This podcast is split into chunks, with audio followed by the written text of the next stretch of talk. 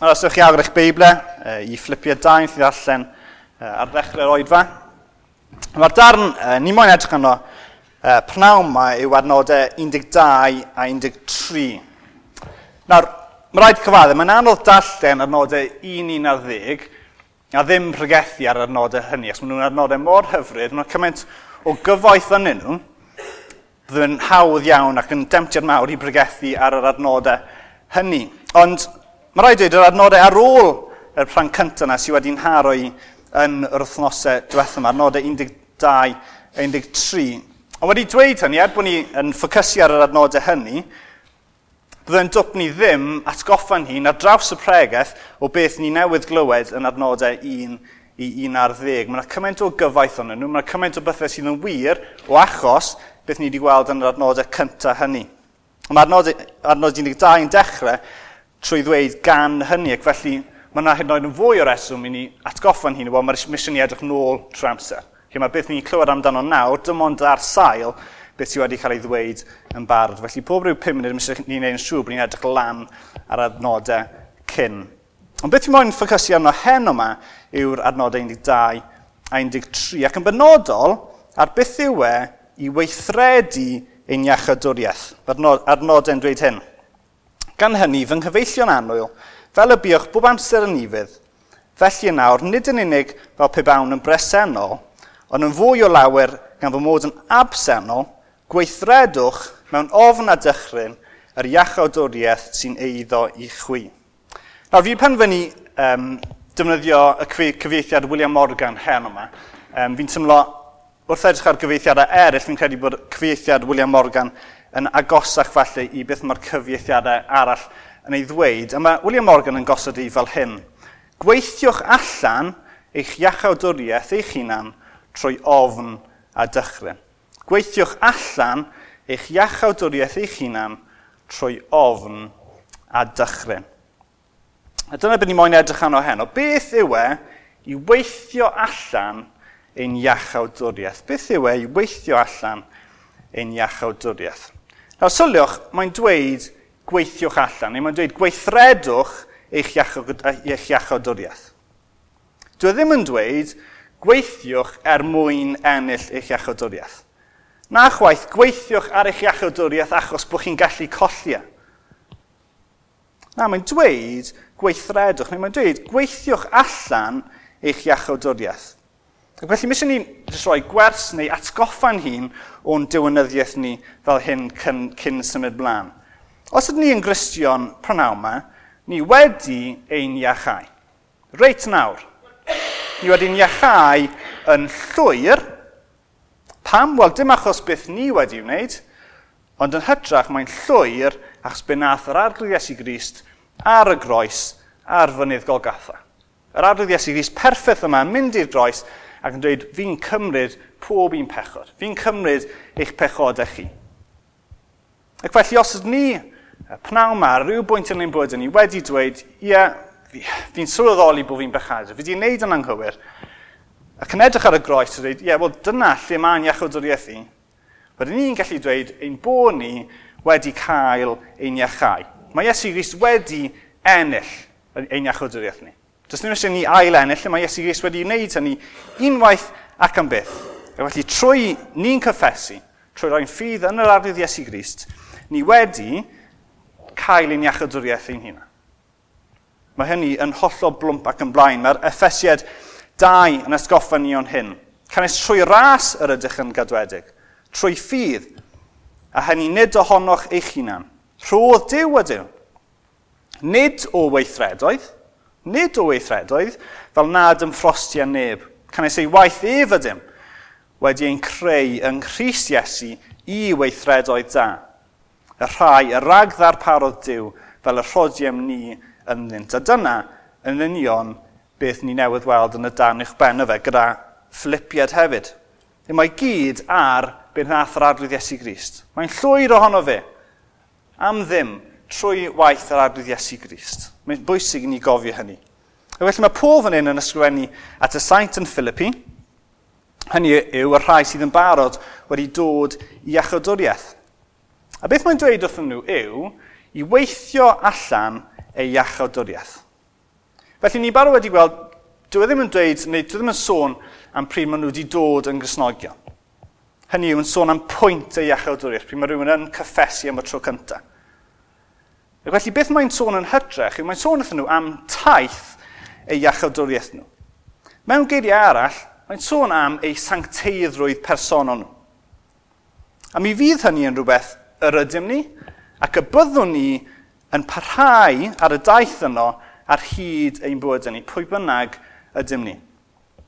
Yr yfeiniad e, deuddeg, e, falle yn, yn, yn debyg, nag e, mae Paul yn sôn am am benodau, really, am sut ni'n cael ein ffydd ni. Mae'n sôn bod e trwy'r arwydd Iesu Christ, trwy ffydd yn unig.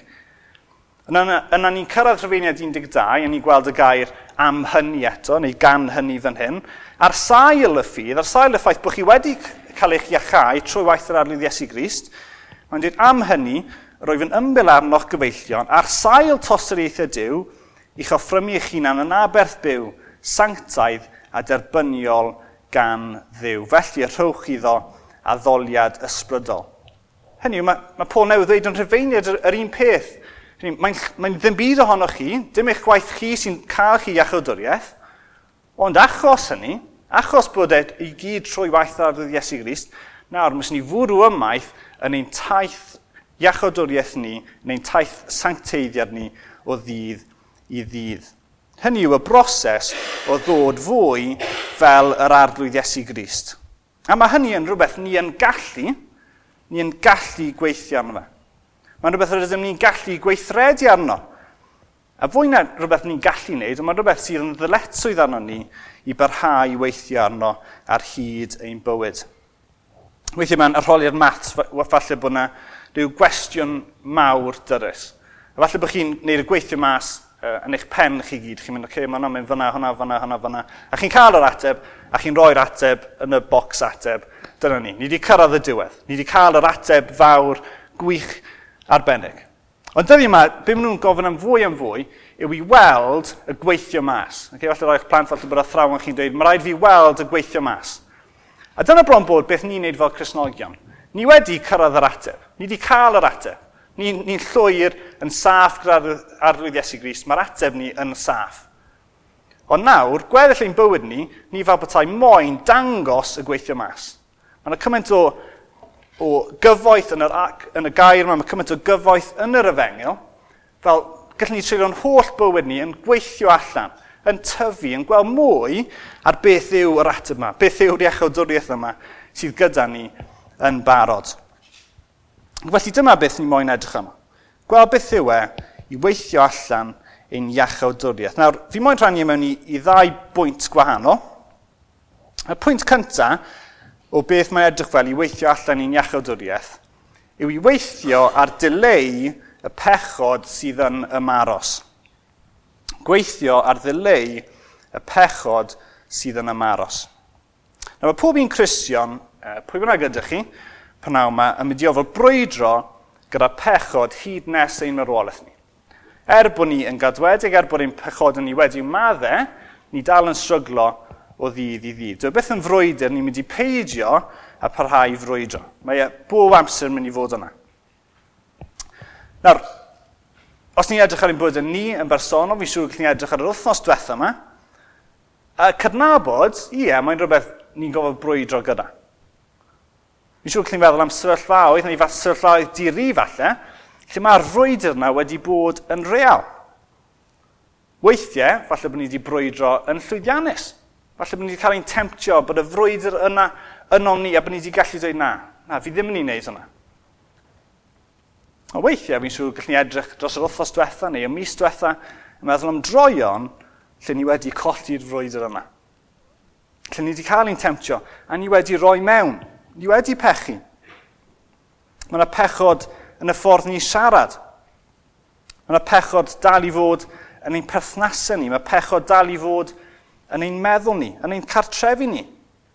Ni'n brwydro yn erbyn balchder, cenfigen, casineb, chwant, twyll, dweud celwyddau'r holl ffyrdd yma, lle mae'r pechod dal yn ymaros yno ni, hyd yn oed fel Cresnogion. Mae yn reality, ac felly mae rhaid i ni barhau i frwydro, mae'n i weithio i ddyleu y pechod yma. Ni'n darllen am un pregethwr oedd yn disgrifio y pechod y mywyd y Cristion fel un o'r uh, canhwyllau y joc yna chi'n gallu cael ar cacenni pen blwydd. mae'r plentyn yn chwythu mas o canhwyllau, mae'n cael y clap fawr, mae popeth yn hapus. Ond yna cwbl eiliadau wedyn, mae'r fflam yn dyn nhw. Mae'n chwythu eto. Clap arall, ond mae'r fflam yn dyn nhw. Mae'r fflam yn dyn nhw tro ar ôl tro plentyn yn meddwl bod wedi wneud y dasg o chwythu canwylle, ond mae'r fflam yn ail gynnau. Er bod yn edrych, fel bod y ddim yna o gwbl. A weithiau ni'n gallu meddwl yr un peth. Weithiau ni'n gallu meddwl, o, fi wedi sort o mas ym o'n ni. Dyna ni, mae'r fflam wedi mynd, fi'n sorted, ond mae'n dynol. Mae'r diafol yna, mae'r diafol yna i'n temptio ni. Efallai'r er, er cyfnod yna lle ni'n meddwl ni'n hollol iawn i'r cyfnodau pryd mae'r diafol yn fwy atebygol o ail gynnau'r fflam yna ail gyna'r pechod yna sydd falle yn dod nôl dro ar ôl tro yn ein bywyd ni. Mae angen i ni barhau yn y frwydr o diffodd y fflam. Mae'n ddisgwyliedig arno ni fel plant i ddew i frwydro yn hynny o beth. Oedd ffys oedd yma nag oedd e bod un o uh, chwaraewyr rygbi Lloegr wedi dweud uh, y byddai'r gêm yn erbyn yr Alban yn ryfel. It's going to be war nawr oedd e'n gêm ofnadwy. Ond oedd e ffys mawr am y ffaith bod e'n dweud bod e'n war, bod e'n gordd ddweud. A mi, mi yw mae, mae e'n gorwydd ddweud, mae gêm yw e. Ond fan hyn, ni mewn rhyfel go iawn. Mae e'n frwydr go iawn i ni roi i farwolaeth y pechod yma sydd yn ymaros yno ni hyd yn oed fel Cresnogion. Ni moyn closio at ein tad ni. Ni moyn closio at yr un sydd wedi roi y fath iachwdwriaeth yno ni. Ni'n credu nawr bod ni'n rydd. Ni ddim yn gaeth i'r pech, pechod. Ac felly mae angen ni frwydro yn ei erbyn. Dyna ffordd cyntaf ni gweithredu ein iachwdwriaeth ni, trwy dyleu y pechod sydd yn ymaros yn y corff. Yr ail ffordd yw bod ni'n gweithio ar atgoffa neu bwydo'n hun o rasysau diw bod ni'n atgoffa'n hun o rasisau diw. Er falle yn y cyfnod pryd uh, ddithoch chi'n gristion, falle o'ch chi'n teimlo bod gras diw mor anhygoel. Chi'n teimlo bod tosturi diw yn, yn eich caru chi. Waw, pa mor special yw hynny. Yn, yn teimlo rhywbeth mor fyw i chi, oedd yn rhywbeth oedd yn destyn llawenydd i chi, dydd ar ôl dydd. Oedd yn lloni eich calon chi, chi mor ddiolchgar amdano fe. A mae hynny yn brofiad hyfryd. A falle gra amser bod chi wedi dod i sylweddoli, sylweddoli dyw y profiad yna ddim bob amser yn naturiol yn aros yn y corff. Dwi e ddim fel bethau yn bwydo ei hunan. Dwi e ddim yn, yn dwi'r emosiwn ddim yn ddigon i'n cario ni trwyddo. Hynny yw, mae rhaid i ni fwydo ein hunan ar y pethau yma. Mae eisiau ni atgoffa'n hun yn ddyddiol o dostiri Dyw. Mae eisiau ni ceisio deall yn well faint cariad Dyw. Mae eisiau ni weithio allan pa mor wych yw'r addewidion sy'n ei aire. Os byddwn ni ddim yn gwneud hynny, os ni ddim yn gweithio allan o ddydd i ddydd y gwahanol rasysau mae Dyw wedi roi ar ein cyfer ni, yna mi fyddwn ni ddim yn cerdded gyda Dyw ar ein taith ysbrydol ni. Felly, er enghraifft, Mae eisiau ni bwyd o'n hun gyda llawenydd sydd yn deillio o'r efengel. Hyd yn oed pryd mae bywyd yn anodd, falle mewn ffyrdd bod fi methu hyd yn oed dychmygu pan yma. Mae dal angen i ni bwyd o'n hun, atgoffa'n hun yn ddyddiol o llawenydd yr efengel. Beth yw hynny i ni? Mae angen i ni fwydo i ni ein hunan yr asusau dyddiol ni'n cael wrth Dyw. Yn y pethau bach, ie, yn y bwyd ni'n cael, yn ein cartrefi ni, yn ein swyddi ni, pethau bach yma mae Dyw wedi rhoi ni, ond hefyd yn y grasusau trogwyddol anhygoel mae Dyw wedi rhoi i ni. Mae eisiau ni fwyd o'n hun yn ddyddio gyda gobeith yr yfengel. Y gobeith sicr yna, byddwn ni rhyw ddydd, beth bynnag sy'n digwydd ar y byd yma, byddwn ni yn mynd i fod gyda gef am dragyddoldeb. Mae eisiau ni fwyd o'n hun gyda'r gobeith yma. Nes i ni atgoffa'n hun o ostyngeidrwydd Christ, fel ni'n newydd weld um, ar ddechrau'r benod. Nes i ni atgoffa'n hun o hynny, fel bod ni ddim yn dechrau mynd yn falch yn o'n i'n hunan. Fel bod ni ddim yn dechrau mynd, wel, yeah, nes i job eitha da. Pryd ddes i'n gristion, o'n i'n dda. Ond na, bod ni'n atgoffa'n hun o ostyngeidrwydd Christ. Mae angen i ni atgoffa'n hun neu, neu bwyd o'n hun gyda sicrwydd ein ffydd ni. Os byddwn ni ddim yn gwneud hynny, wedyn ni'n rhoi lle i'r diafol dechrau rhoi am heion o'n ei meddwl ni.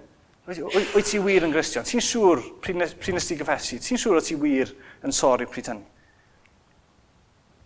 A fi'n credu falle bod ni um, yn y wlad yma, neu sefyllfa ni, falle yn eog o ddim atgoffa'n hun. Bod ni ddim yn bwydo'n hun gyda'r holl bethau hyfryd yma sydd gyda ni yn yr yfengel.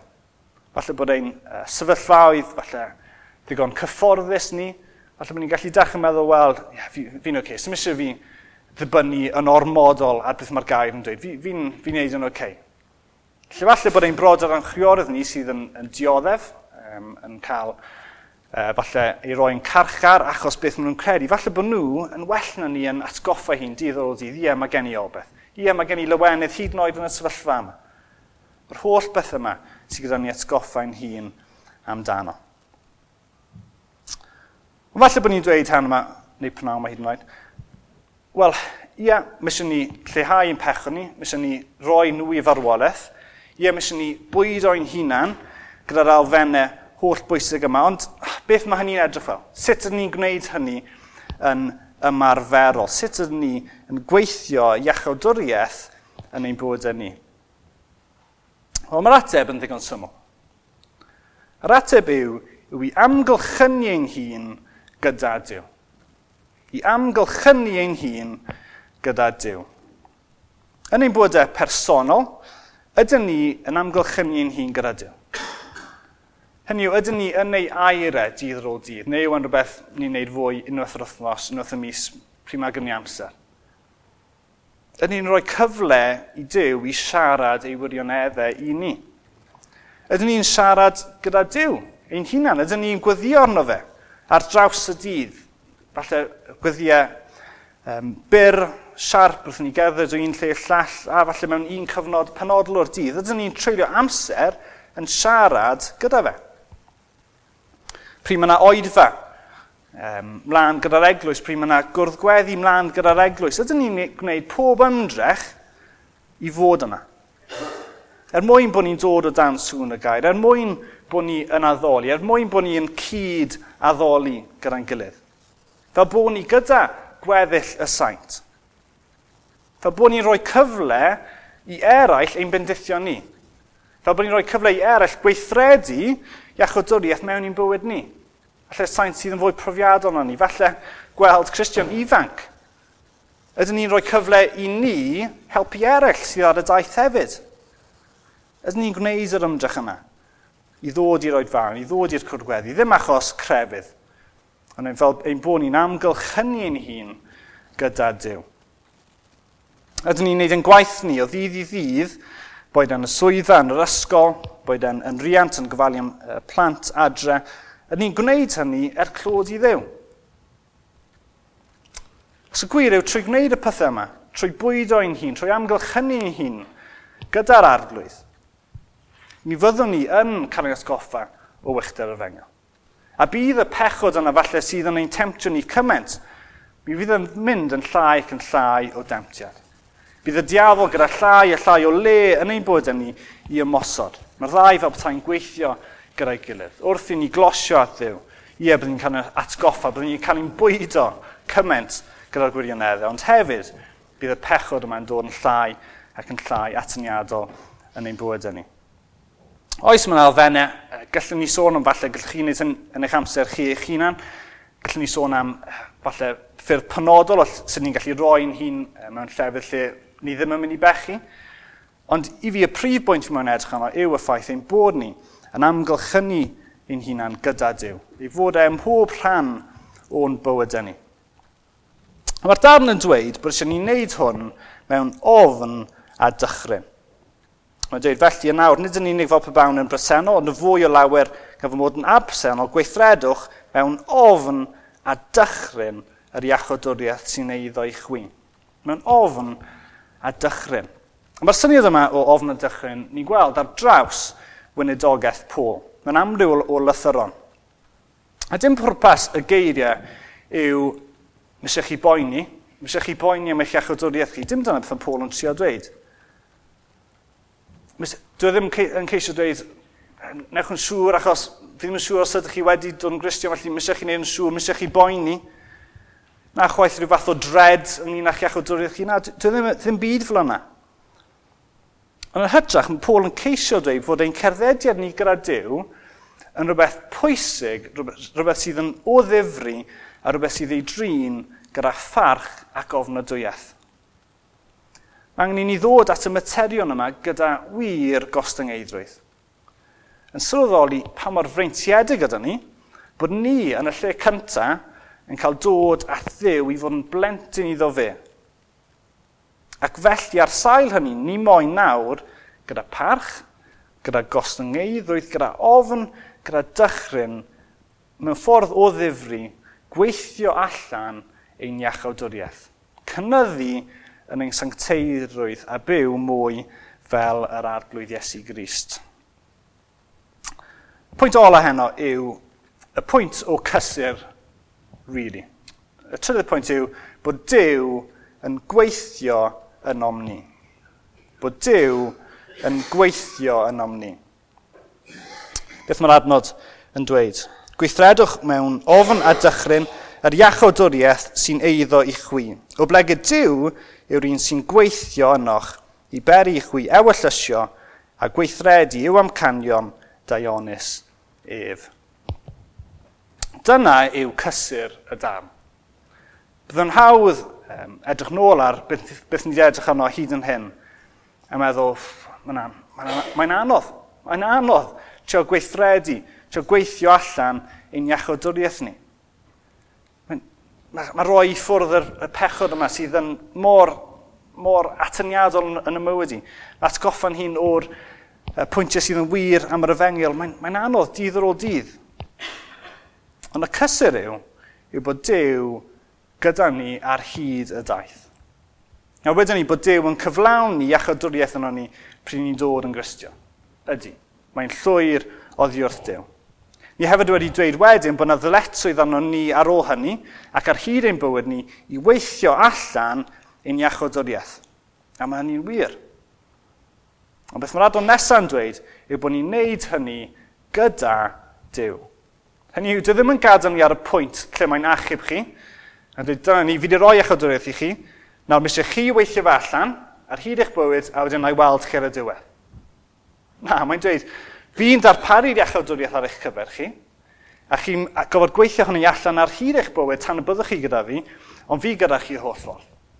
Pob dydd, pob cam o'r ffordd, mi fydda i gyda chi. Mae'n dod gen i pob cam, mae'n ein helpu ni. Mae'n ei arddangos ei hun i ni, mae'n ein cyrraedd, cyrraeddu ni, prim angen. Trwy'r cwbl oll, mae'n gweithio ei iachawdwriaeth yn omni. A'r gair sy'n cael ei ddefnyddio fan hyn am Dyw yn gweithio yn ni. Yw'r un gair mae Paul yn defnyddio pryd mae'n sôn am Dyw y tad yn gweithio yn yr arwydd Iesu Grist yw atgyfodi. Yr un gair, pryd mae Iesu Grist yn cael ei gyfodi o'r meirw, y gwaith hynny, yw'r un gwaith mae Dyw yn ei wneud yn ni. Yr un Dyw, yr un gwaith, yr un cymorth, yr un gallu, a'r waith yn o'n ni trwy ein tad. Os ydym ni yn grisnogion pnawn ni wedi cael ein dwy'n i achawdwriaeth sicr na ellir ei ysgwyd beth. Ni'n ni, ni ymwybodol o hynny. Ni felly wedi cael ein galw i weithio allan ein iachawdwriaeth. I fwrw ymaith unrhyw pechod sy'n sy ein maglu ni mor rhwydd. I barhau i ddysgu, i barhau i ddeall mwy a rhyfeddu mwy ar yr iachawdwriaeth yma. Pam?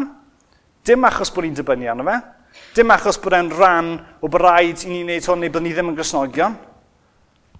Na, ni'n neud e achos bod e'n fraint. Achos bod ni wedi cael y fath eich o dyth, o, oh, fi nawr, fi moyn deall mwy, fi moyn gweld yr holl gyfoeth sydd yn yr iachwdwriaeth yma. Ni'n gweithio fe allan ar hyd y daith. A'r cysur yw, yw bod Dyw gyda ni ar y daith yma. Ni ddim yn neud erbyn ni'n hun. Mae yna un pigon i lan pryd mae angen. Pryd ni yn cwmpo, mae dal yna. Mae'n tywys ni ar y daith. Mae'n ein herio ni, mae'n ein cysuro ni. Mae'n ein sancteiddio ni dydd ar ôl dydd, tan un dydd y byddwn ni gyda fe yn y nef. Wedyn ni'n gallu bod yn sicr y bydd e ddim yn ein gadael ni. Pryd o'n i'n uh, paratoi am y bregaeth yma, ddim pregaeth uh, oedd yn uh, tynnu'n y meddwl i drôr ôl tro, pregaeth uh, Uncle Gwyn, a 2 Corinthiad 3.18. Ac yr ydym ni i gyd, heb orchydd ar ein hwyneb, yn edrych fel mewn drych ar ogoniant yr ardwyd ac yn cael ei trawsffurfio o ogoniant i ogoniant yn wir lun ohono ef, a gwaith yr ardlwydd yr ysbryd yw hyn. A pwynt o gwyn oedd, oedd bod ni'n aml yn gallu meddwl am cael ei newid o ogoniant i ogoniant, fel pryn ni'n mynd o'r byd yma, bod ni'n cael ei newid o ogoniant i ogoniant yn nef. A mae hynny'n wir. Ond y pwynt oedd yn Glwgwyn yn neud yw, yw ar hyd ein bywyd chrysnogol ni, ar hyd ein taith ni, ar hyd ein gweithio allan, ein iachadwriaeth ni, ein bod ni'n cael ei newid o ogoniant i ogoniant yn ddyddiol. A mae ni'n hyfryd, nag we. Bod ni'n gallu dweud, ie, yeah, bod ni'n cynnyddu yn ein gogoniaeth ni, bod ni'n cynnyddu yn ein sancteiddwr ni, tan rhyw ddydd y byddwn ni yn cael ei wneud mewn i llwyr ogoniant yn y nef. Amen.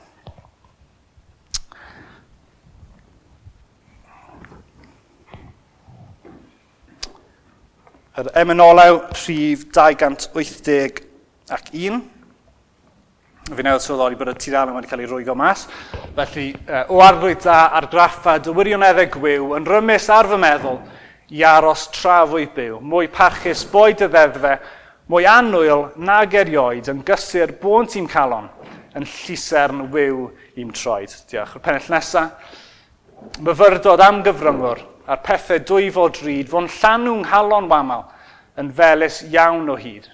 A bydded praw a ddeiant yr heddwch sydd trwy'r iawn yn trigo yn fy mynwes o fore hyd Brynhawn. Yn i godi gan i rhif 280 ag un.